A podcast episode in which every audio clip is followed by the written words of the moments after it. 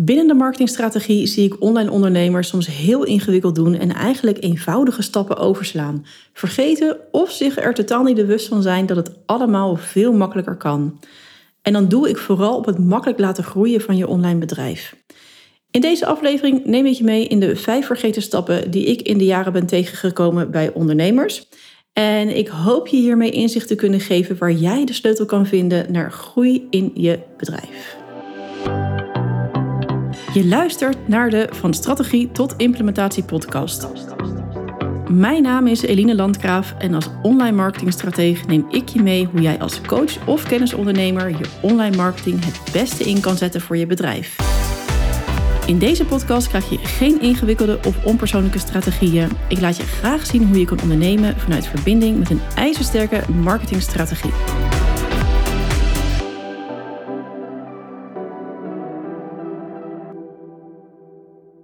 Leuk dat je luistert. Het is hier woensdagochtend en ik zit in Muscat, de hoofdstad van Oman. En als je nu denkt, waar ligt dat in de vredesnaam?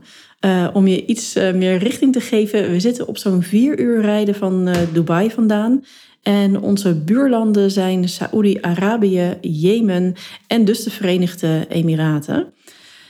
Nou, tot dusver de topografie. Ik dacht, ik benoem het even, want ik krijg uh, hier regelmatig vragen over. Wat ik ook leuk vind hoor, trouwens, om uh, af en toe eens een vraag te krijgen via een DM over waar Muscat dan ligt. Uh, vaak brengt het ook weer leuke gesprekken op gang, dus stel je vragen ook vooral. Maar ik dacht, ik ga daar even hier ook op in waar ik zit. Goed, in deze aflevering wil ik langs een aantal stappen lopen die ik geregeld terugzie bij ondernemers en ook bij mijn klanten in de afgelopen jaren waarvan ik denk als je deze stappen kent, je veel makkelijker kan gaan ondernemen. En het gevoel van leuren en trekken aan klanten achter je kan laten en gewoon simpelweg meer omzet kan gaan draaien. Ik start met een cliché en ik hoor je eigenlijk nu al denken: ja, ja, dit heb ik allemaal wel eh, goed staan. Uh, maar geloof me, het kan echt beter. En um, als jij nog niet moeiteloos en makkelijk klanten aantrekt, begin dan toch echt nog even bij de ideale klant. Dus dat is mijn stap 1. Leg die ideale klant uh, weer even opnieuw onder de loep. En wees vooral niet bang om het ja, te specifiek te maken en aan te scherpen. Hè? Hoe meer specifiek je bent, hoe makkelijker het eigenlijk wordt. Of anders gezegd, als je een uh, te grote groep wilt aantrekken, dan trek je eigenlijk niemand aan. Dus wees je daar bewust van. Ook al denk je, nee, dat heb ik echt wel onderzocht, dat zit echt wel goed. Kijk er naar. Kijk er weer met een nieuwe blik naar. Het is echt een punt die je, die je regelmatig even terug mag laten komen binnen het ondernemen. Om daar even voor te gaan zitten. Nou, breng dan even de demografische kenmerken in kaart. Hè, dus zoals het geslacht, de leeftijd, waar woont mijn klant, welke taal spreekt mijn klant mijn ideale klant. Is hij of zij getrouwd, kinderen? Nou, en ga zo maar door. Let er ook op als je de leeftijd uh, bepaalt dat je dat ook niet te breed neemt. Want iemand van 25 spreek je weer heel anders aan dan iemand van 50. Dus wees je daar bewust van en kijk daar gewoon nog eens even heel kritisch naar. Vervolgens kan je gaan kijken naar de doelen en ambities en de kernwaarden van je ideale klant. En als je hier dus echt goed induikt, ehm, kan je gewoon veel eenvoudiger die vertaalslag maken naar het verlangen van je klant. En het zal je ook opvallen als je kijkt naar de kernwaarden uh, van je klant, dat er heel veel overeenkomt uh, met je eigen kernwaarden. Dat vond ik wel heel uh, bijzonder en grappig om, om te ontdekken toen ik daar ook heel specifiek mee bezig was. Nou, om in je marketinguitingen goed je klant aan te kunnen spreken, is het verlangen enorm belangrijk. Welk verlangen heeft jouw klant? En welke beperkte overtuigingen komen daarbij om de hoek? Het is enorm belangrijk om hier echt even in de huid van je ideale klant te kruipen. En ja, daar gewoon zoveel mogelijk over op te schrijven. En je zal ook zien als je dit uh, goed doet, dat er hele rake zinnen en quotes naar boven komen, die je dan weer heel goed kan gebruiken in bijvoorbeeld een tagline op social media of uh, in je webteksten, in je e-mails, in je funnel. Vaak zijn dat echte zinnen uh, waarvan uiteindelijk dus jouw ideale klant, die het leest, uh, zich daarin kan herkennen en kan erkennen en denkt, hé, hey, dit gaat over mij. Wat bijna, zeg maar, dat je denkt van, nou, dat is ook echt wel een beetje freaky. Van, het lijkt wel alsof deze persoon mijn gedachten kan lezen. Nou, dat is wat je wil creëren bij ja, een goed ideale klantonderzoek. Dit was stap 1. Uh, eh, ik kan hier wel uren over praten, maar ik denk dat je de boodschap wel hebt meegekregen. Uh, mocht je nu denken, oh ja, ik zou zo'n onderzoek wel even um, willen doen. Ik heb daar een boekje voor. Voor een tientje kan je die downloaden op mijn uh, website. En dat gaat je echt enorm helpen. Dus weet dat die bestaat, weet dat je die kan vinden. En ik zal ook de link even in de omschrijving zetten. Uh, mocht je er interesse hebben, kan je hem daar dus makkelijk vinden. Stap 2. Je besteedt geen of te weinig tijd aan een upsell. Nou, wat is nu een upsell? Uh, dit kan een aanbod zijn wat je doet uh, aan bijvoorbeeld het einde van je webinar, of waar je je mailfunnel uh, mee afsluit, of een podcast. Dus ehm, ja, iets, een aanbod wat je, wat je aanbiedt na een stuk gratis content. Je mag je realiseren dat de meeste aankopen pas gebeuren als een aanbod zeven keer voorbij is gekomen. Dus mocht jij dus een aanbod doen na dus een stuk gratis content, laat het dan een aantal keer terugkomen en werkt het ook gewoon echt heel goed uit. Um, ik ga hier in een volgend punt nog wat verder uh, op in. Dus ik ga nu nog even door met het stukje upsells. Want een upsell is natuurlijk ook een uh, verkoop aan al bestaande klanten. Ook al heb je een totaal ander uh, aanbod, hè, of een nieuw aanbod dat totaal anders is, vergeet je bestaande klanten niet. En ik ben daar zelf ook wel weer het levende bewijs van. Want klanten die bij mij klant waren in mijn VA en OBM-tijd, zijn bij mij nu ook, niet allemaal, maar een aantal, zijn er nu ook bij mij klant in mijn rol als coach. En ja, je kan je ook even afvragen van ja, wat zou er gebeurd zijn als ik dit aanbod niet had gedaan? Eigenlijk weet ik wel zeker dat zij dan nu geen klant meer bij mij waren, maar ergens anders een coach hadden uh, gezocht of uh, gevonden uh, die ze daarbij kunnen, bij hun vraag kunnen helpen. Kijk, ik ken natuurlijk al heel graag heel goed de vraag van mijn klanten. Uh, dus ik heb er ook heel bewust over nagedacht. Dus vergeet dat stuk niet. Maak van klanten weer klanten. Dus stel je hebt een online programma waarin jouw klanten vier maanden aan het werk zijn. Bedenk dan ook goed van hoe kan jij die klanten weer verder helpen. Je bestaande klanten zijn simpelweg gewoon hele warme leads. En door die bij je te houden, creëer je ook weer ontzettend fijne ambassadeurs. Waardoor je niet continu bezig hoeft te zijn met het zoeken van nieuwe leads. Dus het, het gaat ook twee kanten op. Iets eigenlijk met moeiteloos ondernemen. Hè? Dat hoor je ook vaak terugkomen. Moeiteloos ondernemen. Ja, hoe onderneem je nou moeiteloos? Nou, dit is gewoon zo'n stukje. Als je daar echt bewust van bent, dan gaat het een stuk moeitelozer voelen. Want ja, dan hoef je niet de hele dag op jacht te gaan naar nieuwe leads. Want ja, dat lage fruit, hè, hoor je ook vaak. Pak het lage fruit uit de boom. Dat lage fruit, dat hangt gewoon voor je ogen. Dus pak die Hou goed focus op de klanten die je hebt. En wat kan je nog verder met jouw klanten doen? En doe ze ook gericht dat aanbod. Stap 3. Vergeet na je mooie marketingstrategie je sales niet. Je hoort me trouwens niet zo heel vaak over sales, maar vaak loopt het bij mij wel een beetje in elkaar over in de content die ik deel. Uh, want ik vind sales natuurlijk net zo belangrijk als uh, de marketingstrategie. Eigenlijk is het nog wel een stuk belangrijker, want zonder sales heb je ook gewoon geen verkoop en geen klanten. Wat ik je nu wil vertellen is uh, een stukje in het verlengde van stap 2. Echter wil ik je hier bewust maken dat als jij niet met een aanbod komt naar jouw marketingstrategie, ja, het er eigenlijk toe leidt dat jouw lead wellicht wel klant wordt bij je collega. Een van mijn eerste business coaches uh, legde mij ooit uit um, aan de hand van een uh, potje en een dekseltje. Een heel beeldend verhaal. Dus um, ik zal het ook even met jou even doornemen. Dus je, dus je hebt een potje en het dekseltje draai je eigenlijk in je marketingstrategie los. Zo zou je het even zeg maar, heel beeldend voor je, of visueel voor je kunnen zien. En uh, jouw potentieel klant wordt zich eigenlijk bewust van zijn of haar probleem. Hè? Dus dat dat losdraaien is dan het, staat dan in vergelijking met het, met het ja, zien van het probleem en het verlangen. En uh, beetje bij beetje komt de, die ja, klant er ook achter, of ideale klant, dat er een oplossing is.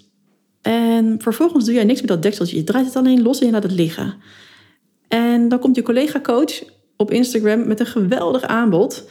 En dan krijg je dus het verhaal dat iemand anders dat dekseltje eigenlijk weghaalt van dat potje wat jij al hebt losgedraaid. En ja, simpelweg omdat jij gewoon niet met een aanbod bent gekomen. En dit heeft vaak te maken met bescheidenheid. Hè? Je wil niet schreeuwig met je aanbod op de bühne gaan staan. En uh, je hebt wellicht gedachten als van ja, ik heb toch al genoeg over mijn aanbod gesproken. En er staat al in mijn mailfunnel en er staat in mijn, in mijn link in bio op mijn Instagram. Um, maar ergens heb je daar dus niet voldoende aandacht aan besteed. En ja, loop je dus de kans dat, dat, dat uiteindelijk een coach die, en dat is ook een hele grote kans, want er zijn heel veel coaches die hetzelfde doen als jou, ehm, die vervolgens wel met het aanbod komt. En dan ben je je mooie warme lied gewoon simpelweg kwijt. Dus hou dat goed voor ogen. En ik had hier trouwens zelf ook enorme overtuigingen op zitten. Uh, over het stukje sales. En ja, dat ik niet te schreeuwig wilde zijn en niet altijd maar met mijn aanbod uh, voorop wilde staan. Uh, wat mij hierbij heeft geholpen, en dit kan ik jou ook aanraden, is om elke week even stil te staan bij welk aanbod je gaat doen. Dus welk aanbod ga ik deze week doen? En het hoeft niet altijd een betaald programma te zijn. Dit kan ook uh, het onder de aandacht brengen van je podcast zijn of uh, in je mailfunnel weer even je, je social media weer even extra benoemen. Maar wees je er bewust van en maak er gericht een plan op. En als je het nou lastig vindt om het hele jaar door bezig te zijn met sales, dan kan je bijvoorbeeld ook gaan werken met lanceringen. En hiervoor trek je dan vier tot zes weken uit en dan ga je er volop in. En het fijne is dat je hierdoor ook meteen een enorme omzetpiek hebt. En je daarna je focus op je sales even kan laten vieren. Ik zeg het nooit, laat het helemaal los. Maar je hoeft niet meer zo strak erbovenop te zitten. Oké, stap 3 dus nog even samengevat. Uh, sta eens heel bewust stil waarom je een bepaald programma of dienst nog niet goed hebt verkocht. En hoeveel sales heb je nou eigenlijk daadwerkelijk gedaan?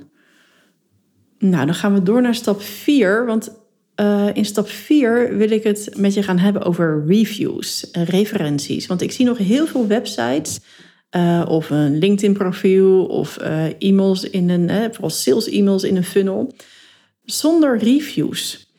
Ben jij je bewust van de kracht van reviews? ga maar eens bij jezelf na. hoe boek jij een hotel op booking.com? Ik kijk eigenlijk gewoon altijd naar van... hé, hey, ik zie toffe hotels, ik heb er drie gevonden... en waar ga ik dan uit kiezen? Ik kijk dan naar de reviews van... hé, hey, waar, waar wordt het meest uh, positief over gesproken... en wat vind ik belangrijk uh, bij een hotel? Dat het ontbijt goed is, of dat de kamers schoon zijn... of uh, nou, dat eigenlijk allebei wel. maar als daar dus echt positieve reviews over worden geschreven... of van nog... ze hebben allemaal die, die, die mooie kamers, ze hebben allemaal schone kamers... ze hebben allemaal... Um, een fantastisch ontbijt. Maar als je dan nog iets leest over van nou, het personeel is ook extreem vriendelijk. Dan heb je een soort van extra stap. Denk je, oké, dan gaan we voor die. Dus reviews zijn enorm belangrijk in het verkoopproces. En ook bijvoorbeeld in het kiezen. Dus hoe ben jij bij je huidige kapper terechtgekomen? He, vermoedelijk omdat je het haar van je vriendin heel mooi vond zitten. En zij vertelde over die topkapper waar ze is geweest met een fantastische beleving. Dus um, je aankoopgedrag wordt beïnvloed door wat anderen zeggen. En maak je dus ook gebruik van. Hè? En vraag actief referenties op. En uh, stuur bij het vragen naar referenties ook een vragenlijstje mee. Zodat je niet een referentie krijgt van met haar is het zo gezellig werken.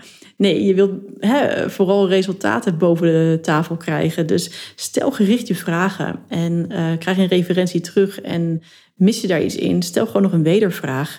En probeer dat gewoon heel strak um, op papier te krijgen. En social proof is ook een hele sterke manier van uh, referenties. En dit zijn screenshots van bijvoorbeeld DM's, DM's op Instagram of uh, WhatsApp berichtjes. En deze kan je ook gewoon heel goed gebruiken in al je uh, marketinguitingen. En ook heel makkelijk, want ja, als je dus een berichtje krijgt, dan screenshot je hem op je telefoon en je zet hem ergens in een mail of op je website. Dus vergeet vooral niet je uh, referenties en uh, wees je bewust van de kracht van referenties. Stap 5. Kijk naar je cijfers. Uh, je hoort me hier wel vaker over. Analyseren en daarop verder gaan is natuurlijk iets waar ik zelf heel erg voor sta en waar ik ook goed in ben. wat ik doe in mijn eigen bedrijf, maar wat ik ook doe met mijn klanten. Want je bent natuurlijk op een gegeven moment een weg ingeslagen voor je marketingstrategie. En uh, ja, vergeet dit gewoon niet regelmatig te evalueren. En, en kijk naar wat uh, werkt en wat nog niet goed werkt. Want waarom converteert bijvoorbeeld je masterclass nog niet goed? He, heeft dit te maken met dat je geen aanmeldingen krijgt? Uh, ja, ga dan aan dat stuk sleutelen. Dus bijvoorbeeld door het inzetten van advertenties. En stel dat je wel aanmeldingen hebt, maar een lage opkomst duik dan eens in de e-mails hè, die je vooraf aan de masterclass stuurt. Uh, benoem je daar genoeg punten waardoor de inschrijvers voor je masterclass ook echt gemotiveerd zijn van oké, ik moet hier gewoon bij zijn. Dat is heel belangrijk om dat, zeg maar, in dat proces mee te nemen. En heb je kijkers en geen kopers, Nou, ga dan eens terug naar stap 1. Hoe zit het met je ideale klant? Hè? En sluit jouw aanbod wel aan bij het verlangen. En uh, dan kan je weer naar stap 2. Hoe zit het met je upsell? Kan je aanbod misschien maar één keer voorbij? Dus um, probeer dat heel goed uh, te gaan analyseren en te gaan bekijken, stap voor stap. En daar kan dus deze podcast je dus ook goed bij helpen, waar je dus uh, naar kan kijken. En het geldt natuurlijk ook de andere kant op. Hè? Want als je ziet dat jouw e-book jouw klanten opleveren, dan kan je er ook eens over nadenken om hier bijvoorbeeld ads op te gaan draaien. Of als je al ads draait erop, om je budget te verhogen. Dus het is natuurlijk zonde als je ziet dat iets goed werkt, om het maar gewoon te laten en daar niet op in te spelen. Want ja, als iets werkt, kan je het ook weer een stukje verder brengen. Dus stap ook echt uit de illusie dat je, uh, als je in één keer iets opzet, eh, je dan meteen op de Bahamas kan gaan liggen. Ondernemen is werken. Het kan makkelijk, absoluut. Uh, maar wees je er bewust van dat de inspanning uh, ook weer een uitkomst levert. En ook als je bepaalde stukken volledig hebt geautomatiseerd, zal je er af en toe toch nog eens even goed in moeten duiken om te kijken van hé, hey, wat gaat er goed, wat gaat er minder goed en wat kan ik verbeteren. Nou, met deze vijf stappen rond ik de aflevering af. Het gek dat je tot het einde bent gebleven. Ik ben benieuwd welke stap het meest relevant voor je is. Deel het gerust met me. Vind ik altijd heel leuk om even een DM te ontvangen op Instagram uh, of LinkedIn. of deel het in je stories. Daar help je ook weer andere ondernemers bij. En als je nu het gevoel hebt dat je bij deze stappen wel wat hulp kan gebruiken en mijn licht eens wilt laten schijnen op jouw bedrijf, boek dan even een afspraak met mij in een gratis groeigesprek. Uh, in dit groeigesprek kijk ik gewoon geheel vrijblijvend even met je mee en vertel ik ook welke kansen ik voor jou zie en welke ideeën er bij mij opkomen. Uh, hè, met een paar extra ogen zie je altijd meer en kan je vervolgens veel makkelijker en sneller doorgroeien naar de doelen die je hebt. Dit groeigesprek kan je dus boeken via mijn website. Dat is elinelandgraaf.com slash groei-gesprek. En deze link staat ook in eh, de beschrijving van de podcast. Dus daar kan je even makkelijk op klikken. Wel zo eenvoudig. Dankjewel voor het luisteren en tot in een volgende aflevering. Heel veel dank voor het luisteren en super dat je tot het einde bent gebleven. Dat waardeer ik enorm. En als deze podcastaflevering waardevol voor je was, zou je me dan een rate willen geven op het kanaal waarop je luistert. En nog even op volgen willen klikken, want daardoor wordt de podcast beter gevonden en kunnen ook andere ondernemers van mijn gratis content profiteren. Ik ben trouwens ook heel benieuwd naar mijn luisteraars en leg graag de verbinding. Dus stuur je reactie via een DM op Instagram of deel de aflevering in je stories. En mijn dank daarvoor is heel groot. Tot een volgende aflevering.